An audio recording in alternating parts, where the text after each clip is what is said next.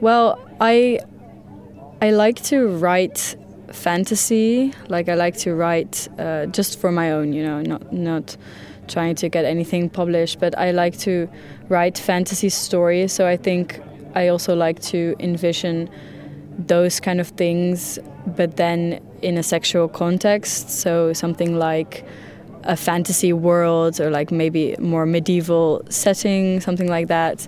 Um, possibly with elves, you know. I don't know why, but it's just something I enjoy to do, like to make up this whole fantasy world in my mind, basically. Mm-hmm. Mm-hmm. Yeah, but um, I'd say one of my biggest things that I'm into.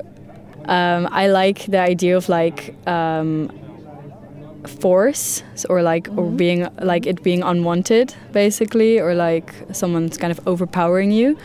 So i think that is something that i think about and that's why for example those characters might be interesting because they're like stronger you know more powerful than you. So i think that's why i like that in that sort of setting.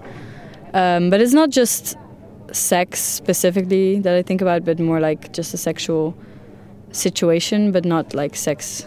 Yeah, so um, I do like to do like role play every once in a while.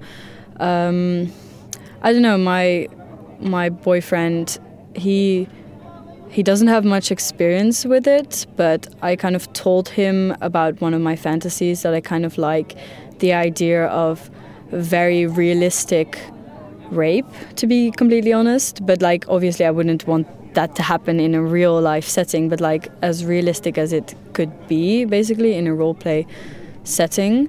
Um, so I just told him about that, not in the, like with the intention of like you should try this with me, but then he kind of took the initiative to try something like that, and I definitely really enjoyed that.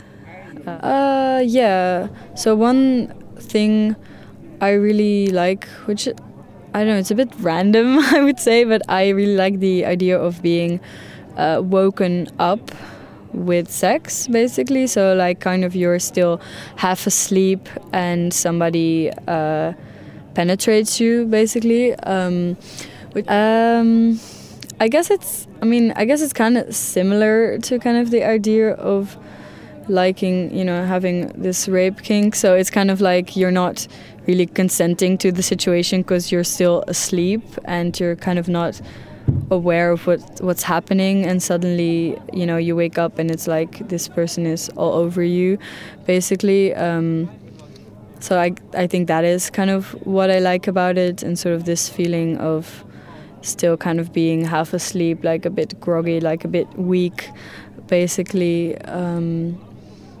yeah I think that is what I what I enjoy about that. Um, but obviously, because you're with your partner and you've talked about this, like you know that it's all right, basically, and it's not actually a non-consensual situation.